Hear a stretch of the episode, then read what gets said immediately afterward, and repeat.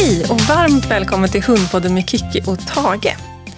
Podden presenteras i samarbete med härliga Furry Friends och stort tack till er som vill göra den här podden tillsammans med mig.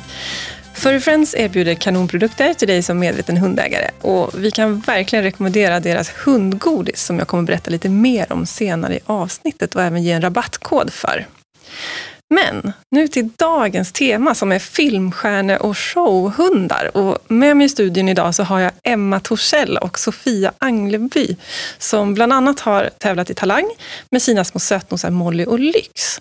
Varmt välkomna hit! Tack så mycket. Ja, tack. Berätta, vilka är ni? Ska vi börja med Emma? Ja, eh, jag heter Emma och jag eh, har två stycken hundar som jag har med mig här idag, så jag hoppas att de sköter sig. Det gör de säkert. De är otroligt söta. Ja, det är de. Berätta, vilka är de? Ja, det Börja med hundarna såklart, sen får du berätta ja, mer om dig. Såklart. Jag, jag har ju blivit bara hund nu, så det är ju det, är det enda som händer i mitt liv just nu. det är hund. Så jag har Molly, som är min första hund. Mm. Eh, och sen har jag Bubbel, som är en eh, snart tvåårig liten dvärgpudel. Mm. Och Molly, kanske lyssnarna känner igen från årets julkalender. Ja, Eller kanske. förra året har det hunnit bli, 2020. Ja, men exakt. Eh, hon spelade ju Lady i julkalendern. Just det. Så det var jättekul. Ja. Så att, eh, det var väl egentligen hennes första skådespelaruppdrag. Eh, hon har gjort lite reklamuppdrag innan, men ja. sen har hon fått lite andra skådespelaruppdrag efter det. Ja. Mm. Kul. Nu ja. kan det vara så att vi har lite viftande svansar här i bakgrunden, för Bubbel gick igång och började vifta mot bordet. Ja. Men det bara trevligt. Ja, exakt. Och Molly fick faktiskt mig att kolla på varenda avsnitt av julkalendern i år. Det började med att jag ville kolla bara för att det var en hund med. Och sen så tyckte jag den var så bra, så då var jag tvungen att fortsätta kolla hela. Så varenda morgon gick jag upp och kollade på julkalendern med Molly. Ja, vad roligt. Emma själv då, vem är du? Ja, vem är jag? Bakom hundarna? Jag, vem är jag ens längre? Jag är ju bara mina hundar. Jag, nej men jag heter Emma och jag bor i centrala Stockholm där jag jobbar och har min familj och sådär. Jag har, driver eget. Nu under corona så har jag inte så mycket jobb så det blir väldigt mycket hundträning nu under detta mm. året. Vad driver du eget inom? Eh, jag driver eget inom event och företagshälsa. Just det. Och mm. event är det ju ingenting av just nu. Och företagshälsa inte så mycket heller. Jag jobbar lite digitalt med det, men mm. det är otroligt lite om jag jämför med hur, hur mina dagar brukar se ut. Mm. Men på gott och ont då så har jag ju haft ännu mer tid för mina hundar. Så att, mm. eh, mycket träning har det blivit. Så jag har träffat Sofia väldigt mycket under detta året. Och visst är det så att Sofia var lite orsaken till att du kom igång på allvar med det här med hundträning? Ja, absolut. Jag skaffade en, en liten sällskapshund. Jag fick tjata i tre år innan jag fick skaffa hund ja. för min sambo. Eh, och sen så eh, fick jag göra det och så hittade jag Molly, mm. som egentligen från första början var tagen, så att jag mm. skulle inte få henne. Men jag åkte och tittade i alla fall, för de hade två hanhundar kvar. Mm. Sen kom dit så berättade jag att det egentligen var Molly som jag ville ha. Mm. Och då hade de gett återbud samma dag. Mm. Så det var lite meant to be, tror jag. Ödet, ja. Och eh, jag hade inga, jag visste inte ens om hundvärlden som, den, som jag ser den idag. Eh, men jag gick en valpkurs för jag insåg ju ganska snabbt att jag behöver ha lite kött på benen för att kunna få någon, någon typ av shapning på hunden. Ja. Så, och då träffade jag Sofia på valpkursen. Mm. Eh, och jag förstod att shit, här kan jag ju ingenting, så jag måste ju lära mig mer, för jag är ganska mm. vetgirig på det sättet. Mm. Eh, och upptäckte också ganska snabbt att Molly var ganska lätt att träna. Nu ska hon klättra upp på min axel här. så, där. Så, så jag fortsatte helt enkelt. Och sen så vart det både agility och rallylydnad och freestyle och även testa på lite lydnad. Och, mm. Det vart liksom allt sen. Kul. Och det är ja. Sofias fel. Ja. Eller tjänst kanske jag ska säga. Ja. Då hoppar vi till Sofia. Vem är du då? Ja, Sofia heter då jag. Jag är hundinstruktör och hundpsykolog på heltid. Eh, älskar hundar mer än något här i livet. Mm. Och du driver ett företag som heter Heart of Gold? Ja, precis. Heart mm. of Gold Hundcenter har jag. Mm. I Järfälla? Eh, I Järfälla mestadels, men även i Enköping där jag bor numera Just på en bondgård. Helt underbart. Bo vid vatten och skog och ängar och kunna gå helt fritt med hundarna mer eller mindre varje dag. Ja. Eh, Men eh, Järfälla har jag haft från att jag startade för ganska många år sedan. Så att mina kunder finns ju här. Mm. Och de är ju ofta inne på sin andra, tredje, fjärde hund. Så det är svårt Mm. att släppa det. Så jag kommer nog alltid vara kvar lite i Järfälla. Ja. Och det är där min familj bor också. Så att jag kommer ändå att åka dit ofta. Sen åker jag runt lite i Sverige. Jag håller i bland annat domarutbildningar för rallylydnadsdomare. Mm. Och får se ganska mycket av Sverige. Nu i corona har det varit ganska lugnt Mm. eh, i Sverige, men fullt ös själv. Mm. Speciellt då valpkurserna. Ja. Och det var ju via en valpkurs som jag träffade Emma, Just när Molly var liten bebis. Mm. Eh, Vad har du själv för hundar? Ja, jag har eh, en Australian Shepherd. Hon Mm. är snart 13 år, Viva. Och sen Mm. har jag eh, Yorkshire Terrier Lyx och hennes dotter Bling Bling och hennes dotter Kaching. Just det. Ja, eh, och eh, från början hade jag Newfoundlandshundar. Så Mhm. många undrar ju hur jag kunde byta ner mig så mycket i storlek. Ja. Men jag blev kär i rasen Ja. och tycker att de är jätteroliga att jobba och tävla med framför allt. Ja. Sen har sambon en lapsk vallhund, så vi har fem hundar hemma. Så det är fullt ös. Fullt. Sen har vi en Mm. katt och massa höns och sånt där också. Och numera även kossor. Härligt. Mm. Det låter helt underbart. Ja, det är jätte, jättekul. Ja, och jag var ju faktiskt på lektion hos dig igår Ja. med Tage. Ja. Vi tränade rally, det var jättekul. Mm. Mm. Ja. Och vi kom ju faktiskt på att vi har ju också träffats Emma tidigare Ja, på en träning hos So- Sofia. En banträning i rallylydnad. Exakt, så hundvärlden är liten. Ja, Ja. precis. Det kommer alltid upp sånt där. Ja. Eh, och det som var så roligt, jag måste, måste få dra den historien, som jag och Emma eh, ibland drar, och vi drog den för Talang, men den syn- sändes ju aldrig. Mm. Men när vi träffades så var ju Emma som sagt hennes första hund. Och hon hade köpt en jättesöt liten valp, eh, Mm. mest som sällskap. Eh, men ganska snabbt såg ju dels jag att den här hunden är ju jätteduktig och Emma var ju superengagerad när hon tränar. Men Mm. i början så kom ju Emma då med ja, men, finskor och Ja. fina kläder och sen märkesväska. och jag tänkte, ja, ja, det är typiskt lite folk in i stan, för de är inte lite likadana på, på landet, utan de klär sig inte alltid efter väder. Det, det är ofta Emma sagt sådär när jag sagt att, ja men, när hon fortsätter då träna hunden, ja, men du måste ju liksom ha träningsprylar som passar det här. Du måste ha liksom belöningsväskan eller en väst eller någonting. Ja. Aldrig att jag kommer skaffa en sån där ful hund, hundväst, aldrig sätta Emma. på mig en hundväst. Nej. Och nu, nu har jag nog inte sett Emma faktiskt eh, i något annat än hundkläder Nej. senaste åren. Och det är liksom, ja men det är all in, det är bara hundgrejer. Och eh, du har ju hundkjolar och hundbelöningsväskor och hundtights och allt Ja. är verkligen hundnörd. Ja, underbart. 100%. Istället är det hundarna som är lite blingade. Ja, Hundarna Med har fått, och- tagit över mitt bling Ja. och själv så kör jag bara hundförarkläder nu för tiden. Ja. Men sen är det alltid den lilla finessen. För att jag tänker, jag i alla fall tänker mycket praktiskt med hundarna. Ja. Sen är det ju kul om det är snyggt, men det blir ju inte alltid så. Men när Emma kommer med en vattenflaska till hunden, då är det alltid en liten diamant på. Ah. Eller liksom det är alltid lite mer pimpat, lite snyggare så. Ja. Eh, Så det är lite roligt tycker jag. Underbart. Ja, och, och jag kan väl känna så här, folk får väl titta lite snett ibland när jag har det här extra blingiga till mina hundar, men jag tycker att det är kul. Ja. Så att det får de ha. Men det jag också tycker är kul med det är att vi är lite lika där. Båda har små hundar med rosett i pannan ibland. Mm. Men att man visar folk att det här är en hund som får aktiveras, Ja. den mår bra, den får jobba, eh, men den kan fortfarande se söt ut. Mm. Så att eh, de som dömer snabbt blir lite Mm. sådär, haha, här fick du. Ja. Eh, så att jag tycker att det är kul att man visar att de här små hundarna också kan. Ja, Ja, och det där stöter jag ju på ganska ofta i och med att jag bor då inne i stan. Eh, så tränar jag ganska ofta i Vasaparken. Mm. Eh, och jag tycker att det är lite roligt när folk stannar. Och jag kan ju ofta ha publik när jag tränar där, för att folk blir så imponerade. Speciellt då att det är två små hundar, just det här med rosetter. Och så får man alltid höra, men gud vad duktiga, hur har du lärt dem allt det där? Och så där. Jag kan tycka att det är lite roligt att, att lite ta död på den myten som fortfarande finns idag med, som vi brukar prata om, att, Ja. eh, att små hundar går inte att lära någonting. Och Nej, där. exakt. Så att, eh, det väl, Ja, det är bra. Ni är väldigt bra ambassadörer för små hundarna i världen. Det är bra. ja. Om man hoppar in på det här med talang då. Orsaken till att jag bjöd in just er två till just det här avsnittet var faktiskt att ni hade en uh, kurs tillsammans mm. som ni kallar för filmstjärnehundar tror jag. Mm. Och den tror och gissar jag är lite spin-off på att uh, Molly och du har varit med i julkalendern och att ni har varit med i Talang. Tänker jag. Mm. Om vi börjar med Talang som var det senaste nu. Vad, hur, hur var det? Vad gjorde ni? Ja, Eh, nej men jag har varit kontaktad via Instagram. Uh-huh. På Mollys, jag har ju ett par olika konton, men Molly har ett eget Instagram, så jag tror att det var på det. Mm.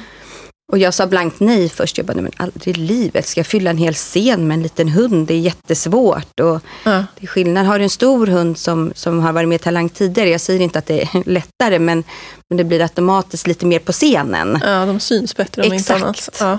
Så jag var så här, nej, ingen Talang för min del. Men sen så var de lite ihärdiga och sen började väl jag fundera, så här, men om jag gör det med någon då? Ja. Och så tänkte jag så här, och jag skrev till dem vet jag, vid något tillfälle, ja men jag kan fråga min tränare om hon vill vara med. Ja. För jag tänkte så här, Sofia kommer aldrig säga ja. Så att då är jag ändå savead där. Så jag frågar och så säger hon nej, så blir det ingenting. Och sen frågar jag, och jag hann knappt liksom ställa klart frågan. Jag bara, ja men okej då. Ja. Jag bara, jaha, okej. Okay. Ja, men då kör vi då. Ja. Och vad gjorde ni? Ja, men det kan du få ta då. Ja, alltså jag eh, tycker det är jättebra att ha mål när man tränar hund. Jag blir väldigt motiverad av att ha något att träna mm. för. Och eftersom jag har många hundar och jobbar med det på heltid så blir det att man tränar sina egna hundar rätt dåligt ibland. Mm. Jag gör det i alla fall. Så jag tänkte att det här blir jättebra. Gud vad mina hundar kommer få träna. Mm. Och jag tänker min... också lite särskilt nu när det inte är några tävlingar och Exakt. grejer också. Ja. Så, och Lyx då som var den med, hon är tio år, Yorkshire terrier, ja. min äldsta York. Hon älskar att visa upp sig eh, på freestyleplanen. Ja. Eh, och då tänkte jag, men gud, det är klart hon måste få göra det här. För hon, trots att hon är så liten har hon sån utstrålning som pondus att hon är så här, titta på mig, jag är bäst. Mm. Och så ser hon alltid så jätteglad ut när hon får jobba. Och det tycker jag är ganska kul att visa hur bra små hundar mår. Mm. Så mitt mål var ju mycket att visa folk att snälla aktivera era små hundar för de mår ja. bra av det. Och, och de kan och ja, har potential. Gud ja, alltså Lyx är ju min bästa tävlingshund och då ja. har jag ändå en Australian shepherd också. Ja. Så att Lyx är ju super på det sättet. Och sen att jag och Emma jobbar jättebra ihop, alltså vi har jättekul. Mm. Och att, Ni brukar eh, tävla tillsammans? Ja, det kommer efter faktiskt. Ah, okay. Eh, mm. Men eh, Emma har ju varit och tränat hos mig intensivt ganska många år nu. Mm. Så det har ju liksom växt fram ganska mycket. Vi har ju blivit vänner. Så. Eh, men Talang eh, var egentligen för att träna. Alltså ett mm. mål att, att ha något att, att göra. Mm.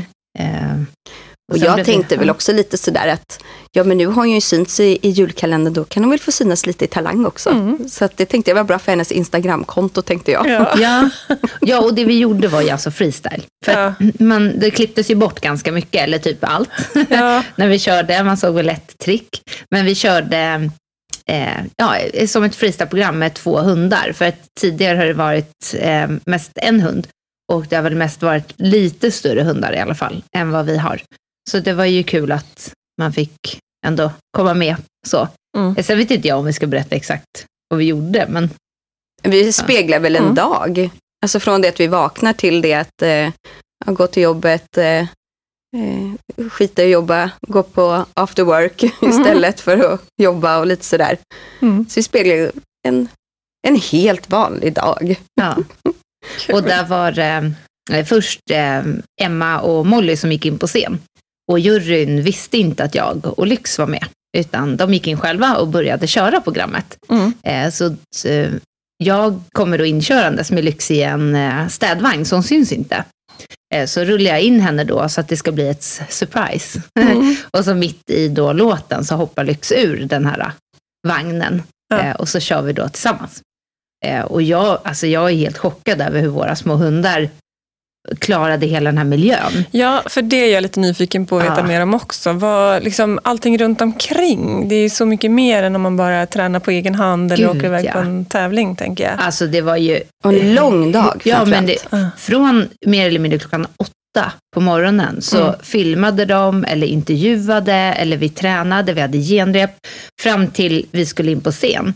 Så jag var ju tvungen att säga till att nu min hund måste vila för att Mm. hon kommer inte orka. Och då hade hon hållit på med, alltså aktivt i flera timmar. Mm. Och det är inte hon van vid för att Nej. man i vanlig hundträning pausar man ju ganska mycket. Eh, men de tyckte nog att det var kul med de här söta små hundarna. Mm. Eh, och i Mollys fall är det jättebra att hon syns utåt för hon ska ju bli Mm. nya filmstjärnehunden. Liksom. Ja. Eh, så, så där var det jättebra att hon fick mycket eh, tid. Men bara när vi kliver in, och jag ser ju framför mig som hundtränare är man ju van att allt kan hända. De kan bli rädda för underlaget eller vad som Ja. helst. Men våra små hundar kliver in där på röda mattan, går liksom som att, man ser, det ser ut som att de säger så här, nu kan ni flytta på er för nu kommer vi. Eh, och så går de upp på den här scenen, för vi, direkt när vi kommer fram så har vi genrep nästan. Så vi har ju inte hunnit förbereda dem alls, utan det var ju bara kasta ifrån oss väskorna, upp på scenen och liksom testa. Och de bara tar det. Ja. Och de kommer gubbar med liksom mickar och sådär och hundarna, ja ja, det är lugnt, vi kör på som vanligt och tycker Ja. det är superkul. Gud, Ja, det springer ju folk i hela lokalen under Ja. vårt genrep och det provas lampor och det provas musik och eh, upp och tejpas mattor. Det händer ju saker hela tiden men det rörde de inte ryggen när vi var där. Nej. Alltså jag är så jäkla stolt över, eh, för jag hann ju inte se när vi körde tillsammans själva, alltså när, vi, när det verkligen var vår tid på scen. Eh, då är man ju ändå lite nervös, Mm. för att det är ju första gången domarna får se den. Mm. Och då, då hinner inte jag titta på Emma och Molly, så jag hade ju ingen koll på hur det gick för dem. Jag hade ju bara koll på lilla Lyx och hon var jättefokus på mig, så jag var ju liksom så här yes! och sen hör man väl med något tillfälle att Emma kallar in Molly. Och då förstod jag att oj då, nu är vi nu lite osynkade här, för nu måste det ha hänt någonting. Så man måste hela tiden när man är två ha koll på varandra. Så där det. var man tvungen att ha ett öga lite så här, gud nu måste vi synka ihop igen. Så att det, är, det är jättesvårt att vara tajmade två stycken. Ja. Jag, Fast- jag vet ju ja. bara när jag gick in, på, i och med att jag gick in själv på scenen då först och pratade med juryn, så hade jag ju med mig Molly. Och Molly bara, åh vad roligt det här var, titta, åh vad mycket folk i publiken. Även om det var corona så var det ju fortfarande folk där, de sitter ju Ja. så här vid bord två och två och sådär. Och så, så Molly skulle ju gå av scenen och börja hälsa på publiken och sådär. Så hon körde ett litet ärvarv där uppe. Ja. Men det fick hon göra. Ja, Det det låter helt underbart tycker jag. Om man backar tillbaka till uh, julkalendern då. Mm. Hur var det? Och hur kom ni in på det? Ja, eh, Molly hade gjort eh, eh, två stycken reklamjobb innan. Mm. Så hon, hon syns ju på sociala medier åkandes på en robotdammsugare. Eh, den visas ganska flitigt och har gjort nu i Den ett har års jag tid. sett, men inte tänkt på att det var hon. Ja, det är Molly. mm. Och sen så har hon även faktiskt fotats för en eh, global kampanj för IKEA. Ja. Så hon, jag såg faktiskt henne till och med på bild nere i Spanien när jag var där. Coolt. Ja. Ja. Men efter det så hittade jag den här annonsen som, i någon av alla hundgrupper som man är med i. Mm. och sökte rollen till julkalendern. Eh, även om det, jag tror att det stod i någon annons i alla fall att det var någon terrier, alltså Jack Mm. Russell eller någonting det. åt det hållet som de sökte. Så tänkte jag, ja, jag målar ju ganska långt ifrån det, men jag skickade in den i alla fall. Mm. Så vi kunde komma på casting och ehm, efter den castingen så fick vi då gå vidare och träffa regissören. Mm. Och efter att vi hade träffat regissören så fick jag reda på, faktiskt häromdagen, eh, att eh, då hade de ställt in alla andra castingar och så Ah. fick Molly rollen. Och hon gjorde det väldigt bra. Ja, hon var, hon skötte sig alldeles utmärkt och där var det också väldigt långa dagar. Ja. Eh, och det var väldigt, vi började filma innan den här pandemin började som vi har nu. Just det. Och då var det ju, det var lätt 50 personer på inspelningarna Ja. och vi spelade in på Konstsnö och det var eh, stora, ja men så stora grejer som de sätter för, så att det ska bli rätt ljus och det kan ju vara att vi spelar in på dagen men det ska vara kväll och Ja, det. grejer. Så att, eh, det är den absolut största produktionen jag har varit på någon gång Ja. när det gäller sådana grejer också. Och då hur Molly ändå skötte sig. ja, och man tänker ju inte riktigt på det där när man själv sitter och tittar på ett program, för att då ser allting så lugnt och harmoniskt ut och man ser ju bara det som är i bild. Ja, Men uh, Tage har ju varit med i några reklamfilmer också och, det, och även varit med i tv-studion, livesändning i Nyhetsmorgon, Malou efter tio kanske. Det var något av dem. ja, Eh, och det händer ju så mycket runt omkring som man inte tänker på. Kameror som kommer flygande i luften och verkligen riktar in sig som en orm nästan ner över hunden. Och, ja, det är jättemycket. Ja, det är supermycket mm. som händer. Och, eh, vi var mycket, vi spelade det på många olika locations också med julkalendern. Mm. Och när det var eh, uppbyggda studio eh, miljöer så var det ju ofta väldigt ont om plats. Mm. Eh, och sen så då när det var corona också så var man ju tvungen att försöka hålla avstånd. Mm. Så att många utav eh, scenerna så har jag varit tvungen att vara i ett annat rum också. Så ja. jag har fått dirigera henne ifrån ett annat rum. Ja. Um, så det var mycket utmaningar. Ja. Och flera av de grejerna som kanske såg enkla ut, som man inte tänker är så svåra, men var mycket svårare än bara få henne att titta in i ett svart hål. Just där det. du inte kan locka på henne, för att du kan inte vara i svarta hålet, det går inte. Eh, och sen, som, ja, det, det, var en del utmaningar, men det är det som är kul. Ja, vad var det svåraste att lära henne av det som ni gjorde där? Ja, det svåraste att lära henne innan, jag fick ju manuset innan, så mm. jag kunde läsa igenom allting, så jag visste när, jag, när det väl var dags att börja inspelningarna vad hon skulle göra. Men, men det svåraste var ju att lära henne att mima, så att det ser ut som hon pratar. Mm. För det var ju någonting vi aldrig hade påbörjat. Vissa av de andra grejerna hade vi ändå påbörjat, så då visste jag ju bara att Just det. Ja, men då behöver jag bara ändra. Ja. Istället för att hon skrapar i marken så ska hon skrapa på väggen eller något sånt just där. Så, men just att mima var ju ingenting jag hade ens funderat på att lära henne. Nej. Så att, men det lyckades. Det ja. Mm. Kul. Kan du inte berätta hur du tränade? Mima? Mm. Ja, men, eh, jag var ju så, hur ska jag göra? Shit, och, och jag höll på att fundera. Men sen så började jag med att, när hon gäspade, mm. så började jag liksom, jag gick omkring med en klicker på handleden hela tiden. Mm. Och varje gång hon gäspade klick, godis, Smart. klick godis. Och sen började jag liksom benämna den när hon började fatta att ah, det där var ju någonting bra tydligen. Ja. Hon är ett matvrak, så hon är väldigt tacksam att träna ja. på det här sättet. Det. Så det var genom gästningarna. Smart. Det blev. Och nu gör hon ju eh, både hälsningar på, hon är med på en, en sajt där man kan köpa hälsningar. Så att, eh, då gör hon mimningar där och hälsningar. Ja. Gud vad roligt. Ja. får jag lägga en liten voiceover. Med, nu har jag faktiskt haft möte med en tjej som har en mycket, mycket finare röst än vad jag har och har en röst som låter som Molly. Mm -hmm. Så jag tänkte att hon ska få göra voiceovers istället för jag. Ja, vad kul. Ja. Kul. Ja, det är helt fantastiskt vad man kan lära dem. Men jag tänker så här, en sak är ju att lära dem de här små tricksen. Men säg att det sitter någon här och lyssnar nu som skulle vilja vara med i filminspelningar eller reklam eller vad det nu kan vara, fotosessioner eller vad som helst, eller talang eller något sånt. Om man bortser från själva tricksen, vad behöver de kunna mer? Jag tänker att, för det är som ni beskriver allt det här runt omkring, liksom. hur, hur ska man tänka där? Det är där mycket vi har haft med på våran kurs som vi har haft. Mm. Mm. Filmstjärnekursen innehåller ju både att de ska kunna gå på olika underlag, mm. att man till exempel lägger ner eh, en pressändning, mm. eh, de får gå in i en IKEA-kasse Mm. Man kanske till och med lyfter IKEA-kassan lite. Mm. De får gå över en ramp. Jag har en sån här hundramp så att den klarar alla vikter av mm. hund. Liksom. Så att har man en stor hund så ramlar den ändå inte ihop. Mm. Att de ska hoppa upp på bänkar och bord. Mm. Och ja, åka skateboard hade vi också, att det är rörligt. Mm. Vi la även ner kompostgaller som många hundar kanske tycker är läskigt. Mm. Eh, och viktigt att man aldrig tvingar hunden mm. om den är lite osäker, utan det får ta tid. För mm. att om hundarna får göra det tillräckligt många gånger när de vill och får beröm för det, så brukar de komma över det. Mm. Eh, men om man tvingar dem en gång så brukar ju nästan rädslan bli värre. Så jag, jag tycker att den träningen var ganska kul, för det gick jättebra för våra deltagare. Mm. Eh, det var kanske någon hund som tyckte det var lite obehagligt. Då får man påminna om att inte ha bråttom, mm. utan att hunden eh, sakta men säkert får komma över det där. Mm. Eh, så underlag var ju en sak vi, vi la mycket tid på.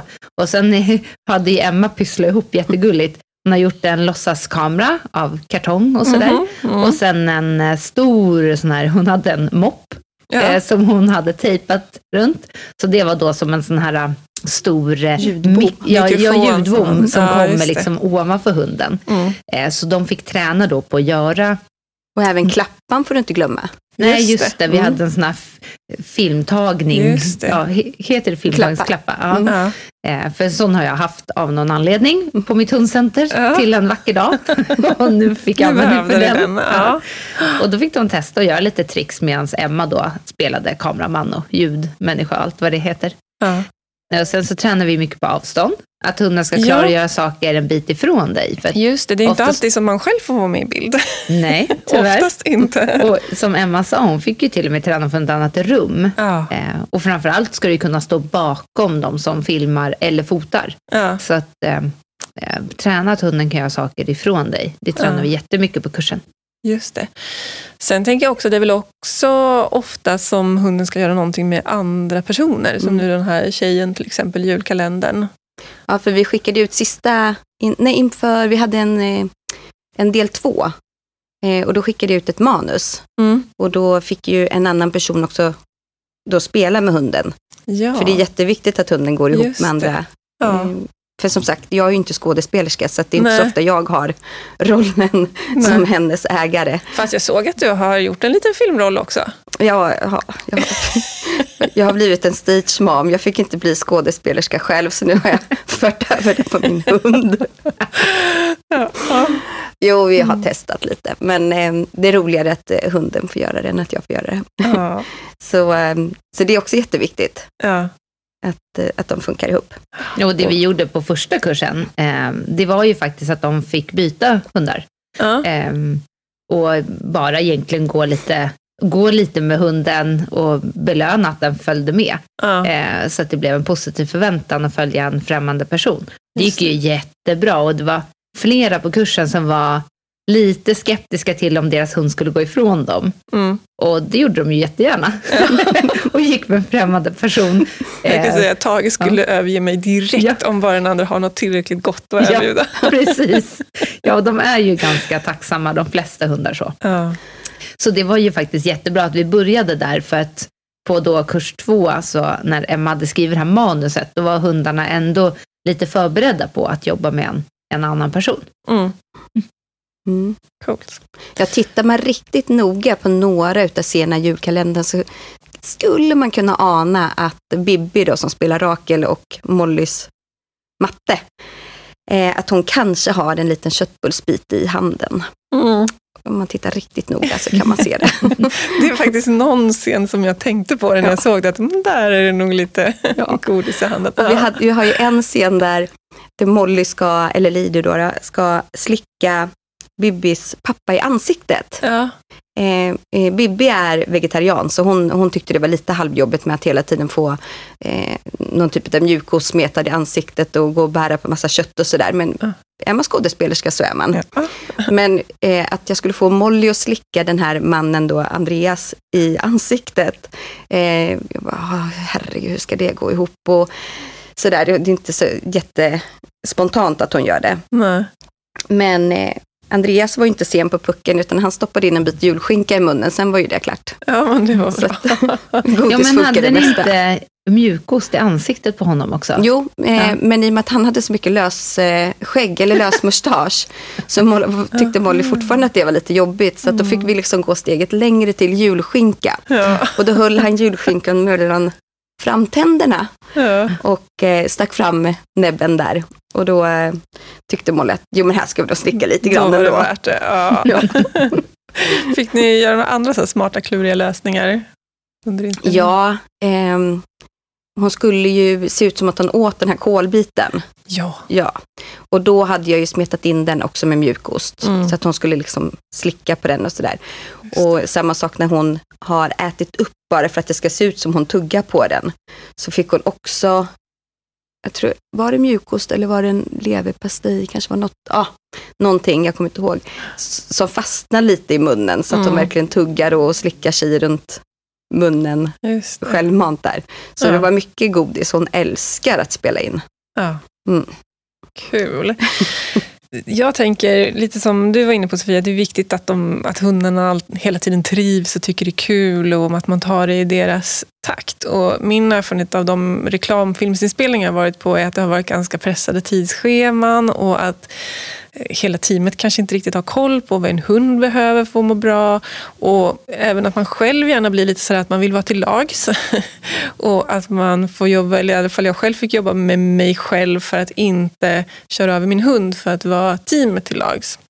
Mm. Mm. Uh, har det varit likadant för er? Liksom att när det är, uh, alltså det är ju oftast ganska svårt för dem att säga exakt när vi ska in. När man ska mm. tävla, då vet man ju oftast att jag ska starta den och den tiden, eller det är tre ekipage före och så vet jag att då kan jag preppa och förbereda hunden. Mm. Men här tyckte det var mycket så här att, ja, vänta, vänta, vänta, och nu ska vi in. Mm. Och så ska man då få igång hunden och göra det man ska och sen iväg. Ja, absolut. Och jag håller med. Jag har eh, varit med om det också, har känt mig stressad. Eh, men julkalendern, jag kan säga den regissören vi hade, Kalle, alltså det är den bästa, bästa, bästa regissören jag jobbat med. Det var liksom ingenting som var någonting konstigt med henne. Han satte Molly i första rummet hela tiden. Ja. Så att eh, när jag fick tiderna så var det eh, skådespelarna var ofta där innan mig. Mm. För att de ville att Molly skulle få vara där så lite som möjligt. Mm. Eh, samtidigt som jag såklart skulle vara där i tid. Så det var aldrig några konstigheter så. Och jag kunde själv komma med, med förslag om att, men kan vi inte ändra om eller göra så? Ja. Så var han inte sen på pucken att försöka ändra det bara mig till lags för att jag vet vad som funkar bäst på Molly. Ja.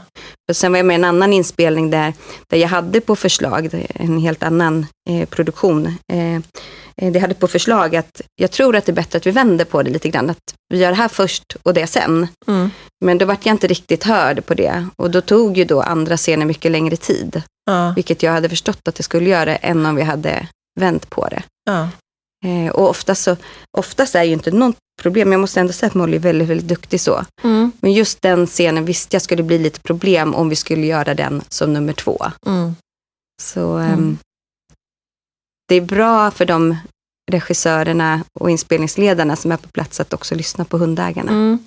Ja, det tänker jag också. Om det är någon sån som lyssnar, så, för det är väl min erfarenhet också, att det är bra att ha med någon med hundkunskap i projektet. Mm.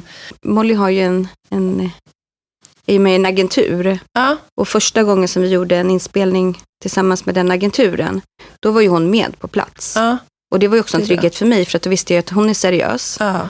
Och att, att det, skulle, det var inte i, på hemmaplan, utan vi åkte ner till Göteborg och spelade in där också. Eh, och det kändes jätteskönt att ha henne där mm. också på min första inspelning med Molly. Ja. I och med att då hade ju inte jag gjort någonting med henne innan heller. Så jag måste ge lite cred till Tina där som är ja. väldigt engagerad och duktig på, på just att vara på inspelning. Mm. Ja, det var ju Tina Röd som jag också fick kontakt med när Lyx var valp mm. egentligen. För att då sökte de också en hund som ja, stämde in på ett jobbigt beteende som Lyx hade. De skulle ha en raggig liten terrier som kunde kampa i ett byxben. Ja. Och det är ju ett sånt där beteende som väldigt många hundägare inte vill ha. Just eh, och Lyx tyckte att det var ganska kul att hänga sig fast i ett byxben. Eftersom hon var så liten så gjorde inte jag så stor affär av det där. Eh, och sen så kom det då den här, eh, efter, eh, de efterlyste då en hund som gjorde exakt det här beteendet till en mm. film. Och jag tänkte perfekt, då får hon nytta av det här jobbiga beteendet. Eh, och då var ju Tina också med varje gång vi var där och tränade med skådespelaren. Hon var med på plats hela tiden. Mm. Eh, problemet med lyx var väl att ju mer vi tränade, ju mindre gjorde hon ju då det här beteendet. Mm, mm. Eh, för att då ville hon ju hellre ha godisarna och det. Mm. Eh, och i slutändan då, det var för den här långfilmen Hypnotisören. Ja. Eh, så blev det då en annan hund som fick rollen. Mm. så vi satt och väntade i en bil eh, en hel dag. Och precis när vi skulle in så säger han, nej vi tar eh, reservhunden. Ja. ja. Och det är precis så där det kan vara. Ja. Eh, långa väntetider. Ja. Man måste verkligen tänka på, som du, som du är inne på, hundens bästa. Eh, för att där var det väl inget synd om hundarna egentligen. Det var mer synd om oss som fick vänta ja. jättelänge. Eh, men jag har inte tålamod och, och tid att vara med på så mycket sånt där. Så jag tackar inte ja till sånt längre.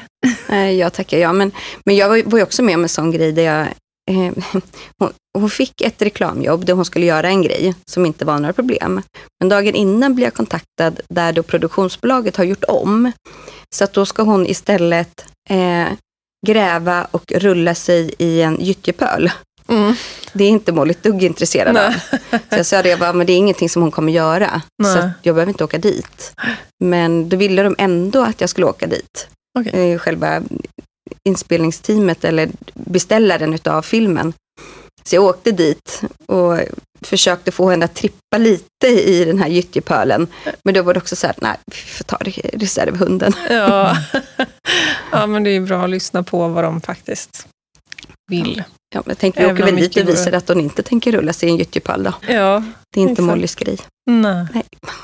Nej. och, och liksom i någon reklamfilm där hon skulle sitta i en, i en korg, en tant som bär på en korg och så skulle de då komma på besök till en familj, så de stod i dörröppningen då med lyx i en korg där.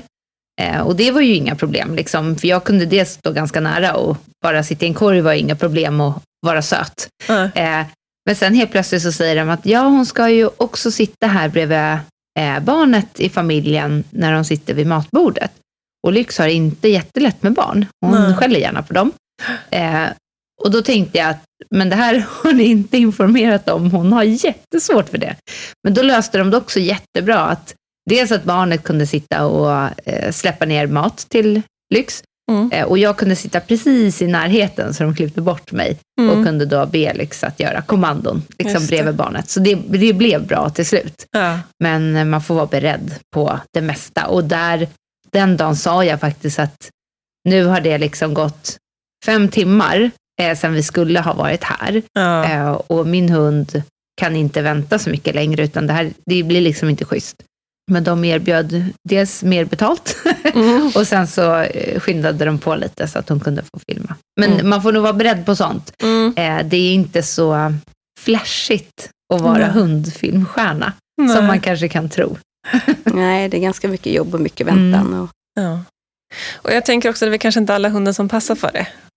Verkligen inte. Um, och om man funderar på det då, vilka hundar passar som filmstjärnor? Dels vilken typ av hundar finns det efterfrågan på? Har ni koll på det? Alla möjliga. Alla möjliga. Ja.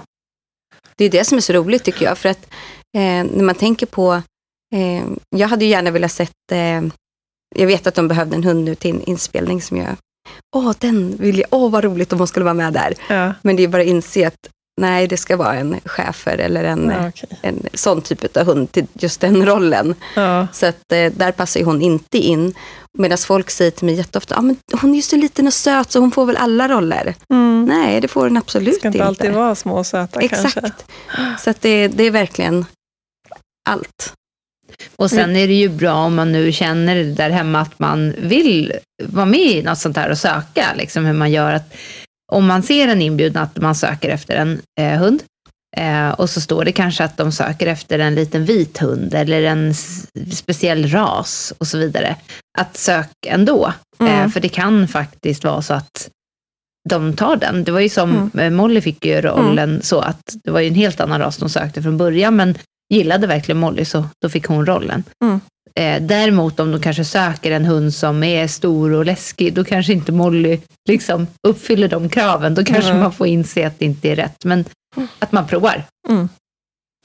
Men om man nu sitter du och lyssnar på det här då och tänker att jag skulle vilja att min hund blev filmstjärnehund. Först och främst, vad ska man liksom ställa sig för frågor för om det ens är värt att tänka tanken? Eh, jag tänker till exempel då att man behöver ju ha en hund som trivs med att vara i olika situationer. Mm. Jag tror att det är bra att miljöträna sin hund otroligt mycket om man nu skulle vilja göra det. Mm. Eh, jag har ju med mina hundar jämt. Ja. Alltså de är vana att vara allt från olika tävlingsplatser till olika träningsplatser, till olika restauranger, till olika gallerier, till mm. åka bil, åka flygplan, vara i andra länder. Mm. Alltså de är med hela tiden. Mm. Och jag tror att det förenklar, så att har du en hund som är hemmavan och kanske bara går skogspromenaderna hemma, då får man nog flytta lite eh, och träna på lite andra location först. Mm. Och någonting som jag uppmanar alla, och det gör jag oavsett om du vill att de ska bli filmstjärnehund eller inte. Eh, jag gör nästan alltid något litet tricks när jag kommer till ett nytt ställe. Mm. Ett trick som de redan kan. Mm. Men kommer jag in på en ny restaurang eller kommer jag in i affären eller någonting så, så gör vi alltid något litet tricks bara mm. för att Ja, men för att göra det i en annan miljö. Mm. Sen gör jag ingen big deal utav det, utan det kan vara sitt fint eller vinka eller någonting. Och sen är det alltid några som går förbi och säger, åh vad söta. Ja. men, men, då, då lär de sig både den här uppmärksamheten, tänker jag, att det blir någonting positivt och att de får träna på och träna i olika miljöer. exakt. Plus att det blir ett bra sätt att landa i den nya miljön också. Att de Mm. får göra något som de kan. Och exakt. Det är superbra. Så det- Och om man tänker sig då att man tror att man har en hund som skulle passa och självklart tycker man att ens egen hund är sötast i hela världen så Mm. den är ju självklart eh, då ett hett objekt för alla som vill ha en filmstjärnehund tänker jag. Mm. Eh, vad behöver man lära hunden då? Ibland, det som, eller som ni beskrev, så får man kanske ett manus innan om att det här ska hunden kunna. Men om jag skulle vilja förebyggande då lära min hund lite saker som kan vara bra i eh, filmsammanhang eller fotosessioner eller vad som, vad skulle ni säga då? Alltså, det, spontant tänker jag, de måste kunna någonting med stadga. Att de kan, kan vara still ett längre tag, Mm. sitt, ligga eller stå på en Mm. plats eh, för fotografering. Och en bit ifrån dig då så att du kan Precis. liksom backa ur bild. Ja. Ja, så Mm. på avstånd, stadga på avstånd. Det är ju en sån här sak som de flesta tränar ändå med sina valpar. Mm. Eh, sen så brukar vi som på filmstjärnekursen eh, så pratar vi om att man ska framhäva ens egen hunds specialitet. Mm. Det finns ju alltid något lite speciellt trick som kanske bara din hund kan. Mm. Som gör att den blir extra rolig eller gullig eller häftig. Mm. Så att man eh, faktiskt jobbar vidare på kanske någon, något udda tricks. Och sen skulle jag säga att apportering, alltså att hämta saker eller plocka upp grejer, ha någonting i munnen, är också jätteanvändbart. Mm. Och det är ju jättekul i vardagen med, att de Mm. kan städa hemma. Verkligen. Mm. Ja, Molly hade ju julkalendern så hade hon ju apportering vid flera tillfällen. Ja. Och nu är hon, eh, har hon precis släppt trailern för en långfilm som hon ska vara med i.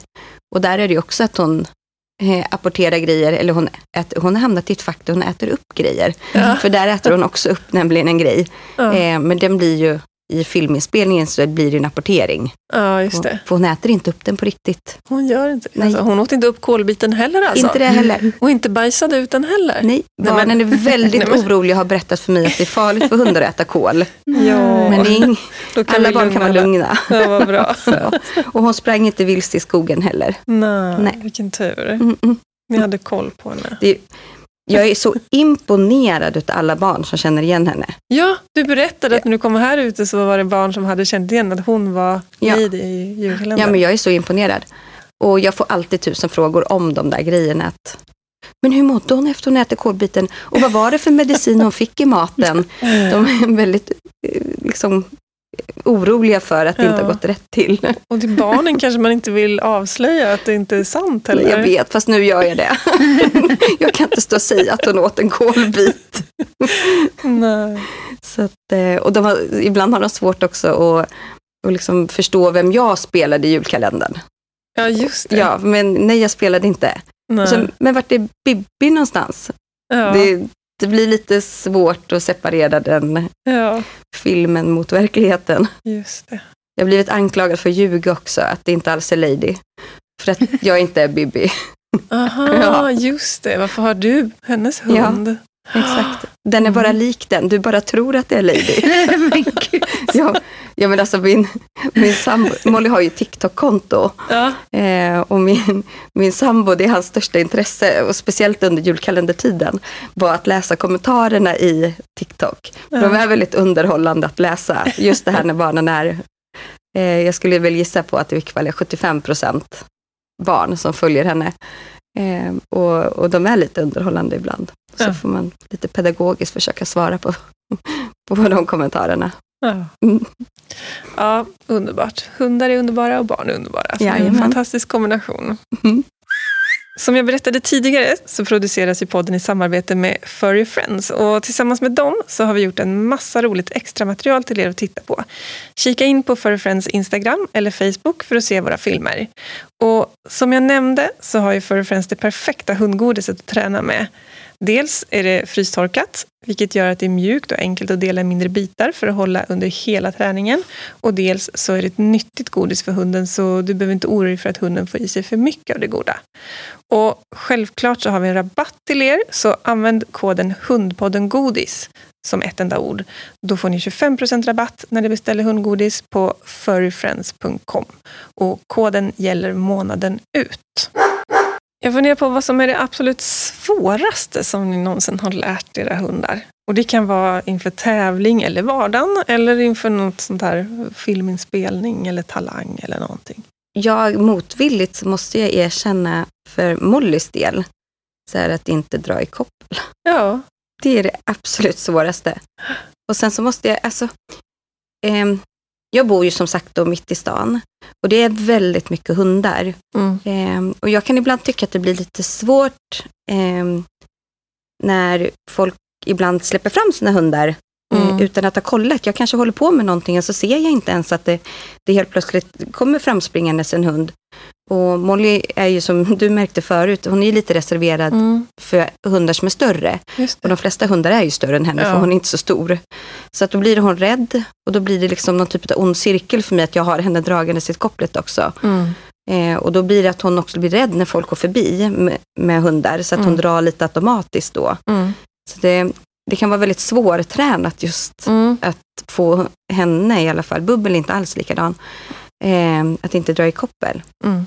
I första avsnittet i år så pratade vi just om koppelgående och då vet jag pratade just om det att orsaken till att hundar drar i koppel kan ju variera så otroligt mycket. Vissa drar för att de inte har fått lära sig att gå med slagkoppel, men andra drar för att de är rädda eller osäkra och då är det egentligen det man måste jobba med i första hand.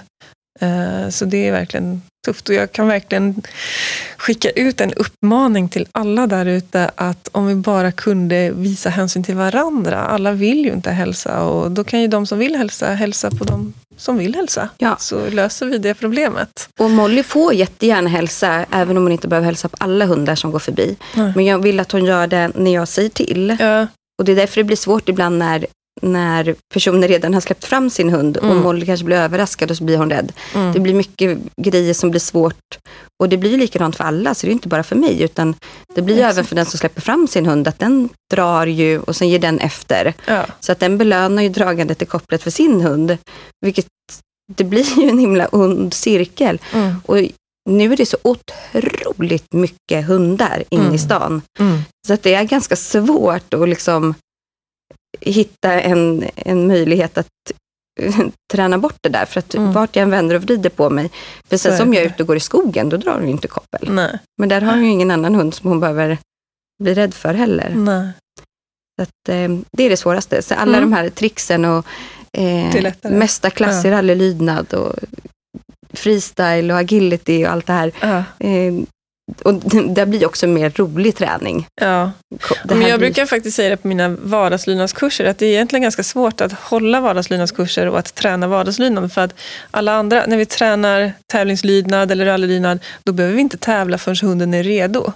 Men i vardagen, vi kan ju inte skippa vardagen tills hunden är redo, utan vi Nej. måste ju vara i en massa vardagssituationer redan från början. Och vi, de flesta av oss måste ju ha hunden i koppel innan vi egentligen hunnit lära dem att ha koppel på sig, eller gå i koppel följsamt. Så det är tufft med vardagslydnaden. Ja, Vi kan inte förutse, vi har bättre koll på alla störningar som dyker upp när det är tävling eller så, kan introducera dem i lagom takt för hunden. Men vardagen, det dyker upp grejer hela tiden som vi inte kan förutse. visst. Så är det. Intressant. Du då Sofia, har du något sådär? Alltså, jag tycker det är svårt att komma på. Men nu, om jag tänker då till exempel på Viva som snart är 13 år. Eh, hon är ju jättelydig nu, men Ja. man glömmer ju lätt hur det Ja. var när hon var unga. Hon var nio månader när jag fick henne. Och hon kunde absolut ingenting, förutom lite inkallning. Och det är väl det som sitter i. Hon kan vara lös eh, och har alltid en bra inkallning. Däremot har hon också varit jättejobbig med kopplet. Det Mm. har varit en sån jäkla jobbig liksom, träningsgrej att gå i koppel för henne. Mm. Ehm, nu är hon ju som sagt 13 år, så Mm. nu kan hon ju gå. Och hon kan ju gå fint på kommando, men det är en helt annan sak att gå promenad. Och Mm. speciellt med andra hundar. Jag har ju fler hundar.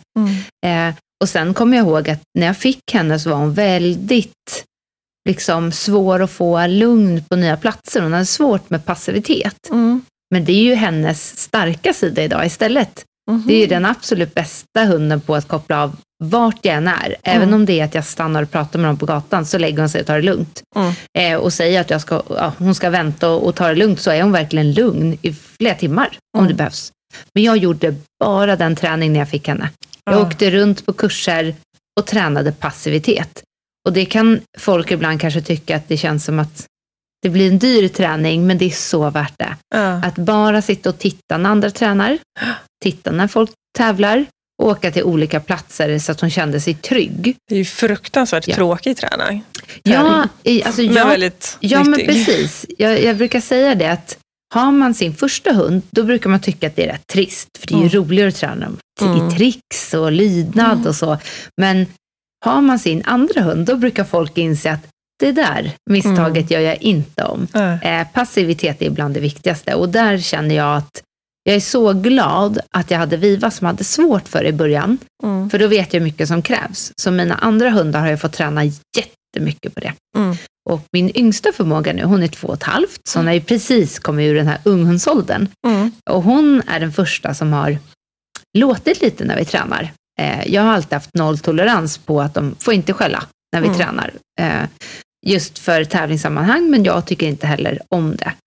Och hon eh, har jag nog slarvat lite med och tränat lite ändå, att hon har, hon har pipit lite liksom. Mm. Men nu har jag börjat fokusera och man märker vad snabbt resultatet blir eh, när man gör rätt. Mm. Eh, och att man jobbar mycket på trygghet, passivitet och när du är i rätt sinnesstämning, då tränar vi. Mm. Och det har hon hajat nu, j- jättesnabbt bara på någon vecka. Skönt. Men sen så tänker jag, så här, vad har jag gjort som är svårt? Och då är det nog mer miljöer. Mm. Jag tänker tricksen, då har jag nog glömt vad som är svårt och jag tror att jag har varit lite lat. Att är det för svårt så har jag inte tränat det mer. Och det är väl för, det, fördelen med till exempel freestyle, det är att man gör det hunden är bra på. Ja, man Eh, kan välja själv. Mm. Men just att vi, var på Falsterbo en gång, Falsterbo Horse Show, Mm. jag och mitt gamla freestyle-lag. Och det- alltså, det är ju enormt stort och vilken publik. Det är ju Mm. fullsatta stora läktare och jag som inte är insatt i häst överhuvudtaget, kan inga om hästar. Jag hade nog inte förstått hur stort det här var. Ja. Eh, och att vi skulle då köra freestyle mitt på stora hår- hårshowen, det, det var ju liksom ja, fantastiskt att hundarna klarade det. Och så på en plan där det varit hästar också med speciell Ja. doft. Och... Och vi åkte tåg ner. Eh, nu hade min hund vant sig vid det tidigare, men det är ju inte heller någonting som är självklart. Att sitta Nej. i en djurkupé med hur många andra hundar som Nej. helst och sen bara kliva av och så ska de prestera och så ska de åka tåg hem igen. Mm. Ja, men det var ju helt fantastiskt. Mm. Ja, men gällande passivitet, så för mig är det otroligt viktigt också. Jag gillar ju att gå på restaurang Mm. och väljer restaurang utefter att jag får ta med mina hundar. Eh, men för att jag ska kunna ta med dem så måste ju de kunna vara passiva på restaurangen och ligga och vara tysta och inte fladdra omkring som två Mm. eh, galna småhundar. Men, och då är det ju så viktigt att jag har tränat det. Mm. Eh, dels för att jag vill ju att restaurangägarna ska fortsätta tycka att det är okej att jag har med mig hundarna på restaurang. Eh, och jag vill ju att fler ska kunna ha det, så att jag vill inte att de ska föregå med något halvdåligt exempel. Nej.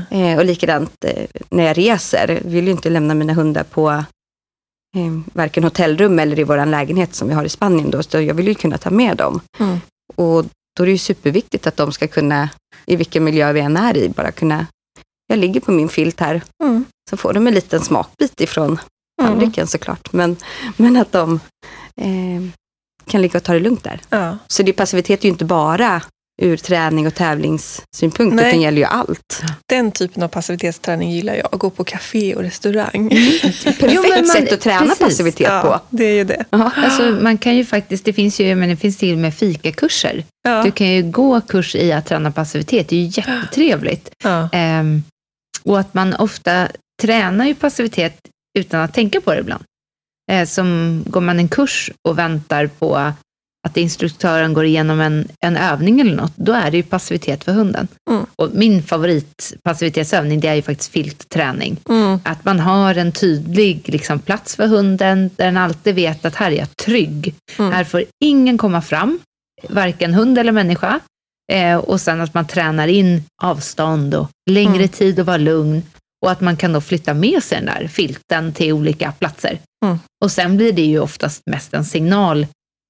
Det behöver inte vara samma filt, men Mm. man kan ha sin jacka på kaféet Mm. eller en halsduk på Mm. kaféet eller något. Mm. Och den, den tycker jag funkar jättebra. Mm. Det är fantastiskt bra. Mm. Vad är det roligaste ni har liksom tränat in med era hundar? Då? Antingen det som är roligast att de kan och typ för att visa upp eller så, eller har varit roligast att lära dem? Jag känner ofta när, när hundarna haft lite svårt för ett trick och så kommer de över det, Ja. och det är så olika från hund till hund. Eh, så jag kommer ihåg att min ena York, hon hade svårt att lära sig vacker tass. Mm. Och det är lite komiskt för att jag säger att vacker tass är bland det lättaste du kan lära en valp. Ja. Men Bling Bling som hon heter då, hon hade jättesvårt för just det. Hon kan backa, hon kan buga, hon kan göra massa svåra saker, men hon kunde inte vacker tass. Nej. Och när hon kom över det, då kände jag att jag ville visa familjen, titta vad Bling Bling har lärt sig. Ja. Eh, men sen så tror jag att eh, alltså, roliga tricks är nog när man ser att hunden har kul. Ja. Och jag tror att eh, Lyx älskar att snurra. Hon snurrar oavsett vilken sport vi kör, vilket inte är så bra. För man ska ju inte snurra till exempel på en rally eller lydnadsbana. Mm. Eh, om det inte står det. Mm. Och man ska snurra ett varv och inte flera varv, som hon gärna gör. Just det. Så hon tycker det är kul och då blir det ju ofta att man kör den. Mm. Eh, Medan backa runt är något som både Molly och Lyx gör väldigt bra och, och snyggt. Så det hade vi med i Talang. Och det var väl det juryn sa också, att det där såg snyggt ut. Mm. Och där ser man att hundarna tycker det är kul. Det är lite mer avancerat trick, så att man själv känner att man har lyckats bra. Så Mm. jag tror nog att backa runt kan vara en sån här grej som Mm. jag tycker om. Mm. Sen är det ju kul, eh, man väljer ju vad man själv vill benämna Mm. eh, sina tricks. Man kan ju kalla det vad som helst. Så man kan, det kan ju vara kul att döpa sina tricks till lite roliga saker, så man får lite, lite så här partytricks-grejer. Ja, exakt. Har du bra exempel där? Kan Molly något sånt? Alltså jag kommer på en jätterolig, jag måste bara flika in. För jag hade en, en eh, gubbe som hade en jättestor mastiff på en trickkurs. Och eh, då har jag ett trick som jag kallar för strutsen. Då ska hunden stoppa ner huvudet i typ en låda och Ja. gömma huvudet i sanden. Liksom, Ja. Det ska imitera det. Och han hade ju en så stor hund. Eh, så han hade att hunden skulle då mer eller mindre ducka in under ett vardagsrumsbord. Ja. Eh, och som kommando hade han Snuten kommer. och när han då sa snuten kommer, då skulle den här jättestora mastiffen springa och gömma huvudet under vardagsrumsbordet. Och det tyckte jag var lite gulligt. Ja, så sött. Bra, men jättespännande funderingar allting. Vad händer framöver då? Har ni några spännande projekt på gång? Vill du börja Sofia? Vad gör du nu framöver? Jag håller kurser för fulla muggar. Ja. Eh, så jag, just nu prioriterar jag nog eh, eh, andra hundägare och andras hundar. Tävlingarna ligger nere lite. Ja. Jag har ganska mycket jobb med att utbilda bland annat rallylydnadsdomare. Så jag ska åka ner i helgen faktiskt och utbilda ett gäng. Så det är lite Kul. sånt där, utbilda andra. Mina hundar, jag hoppas jag ska få eh, lite mer tid också. Vi går lite kurser och sådär själva. Jag tycker det är superkul. Mm. Men inget eh, filmprojekt eller så. Du då Emma? Och Molly? Mm. Jo, men eh, Molly har ju spelat in, som jag nämnde innan, den här långfilmen som kommer på SVT, som heter Snälla kriminella, Just det. där hon har en liten roll. Ja. Sen har hon även spelat in en liten roll i en serie som heter Berts dagbok, som kommer på Simor. Mm. Och nästa vecka ska vi ha möte med ett produktionsbolag. Mhm. Ehm, jag kan inte säga vad det är för någonting. blir jag jättenyfiken. Jag vet och Ja. jag vill så gärna säga. Men i och med att det inte är någonting klart, jag ska ju träffa dem, det här är ett startskede. Men om det blir någonting av det här så kommer det bli magiskt. Då håller vi alla tummar och tår och tassar och allt vad man kan hålla. Och så måste du höra av dig när du vet. För då kan vi lägga ut i sociala medier här på Hundpodden så att alla får veta vad det var för projekt och om det blev. Ja. Bra. Om man skulle vilja komma i kontakt med er, var, var tar man vägen då? Jag tänker man kanske både vill följa er i sociala medier, kanske man vill boka in sig på någon kurs hos Sofia. Eh, om vi börjar med Sofia, var når man dig? Ja, eh, Heart of Gold Hundcenter heter mitt företag. Så heartofgold.se. Och, har du nå, ja, och då är det även på sociala medier samma? Det är samma namn på Ja. Facebook och Instagram. Just det. Och Emma? Ja, ehm, Molly hittar man på Molly the Superstar. Såklart. på, på Instagram. Och eh, Molly the Superstar Dog på eh, TikTok. Mm. Eh, och sen så har även Molly och Bubbel ett gemensamt konto Okej. som Mm. heter molly.bubbel. Mm. Där, man, där är det lite mer träningsbaserat. Där får man följa med på lite mer, Mollys konto är lite mer gulligt. Ja. Medan Molly och Bubbels konto är mer eh, träningsfilmer och sådana saker. Kul, massa spännande saker att följa. Och självklart så måste ni också följa eh, Hundpodden på Instagram och Facebook. Så finns det lite extra material och grejer där. Så tusen tack för att ni kom hit och ville prata med mig om det här temat. Det var jättekul att ha er här. Och tusen tack för att du har lyssnat på Hundpodden med Kicki Felstenius och Tage the Beagle och idag även med Sofia Angleby och Emma Torssell. Och Molly och Bubbel såklart. Ha en underbar dag!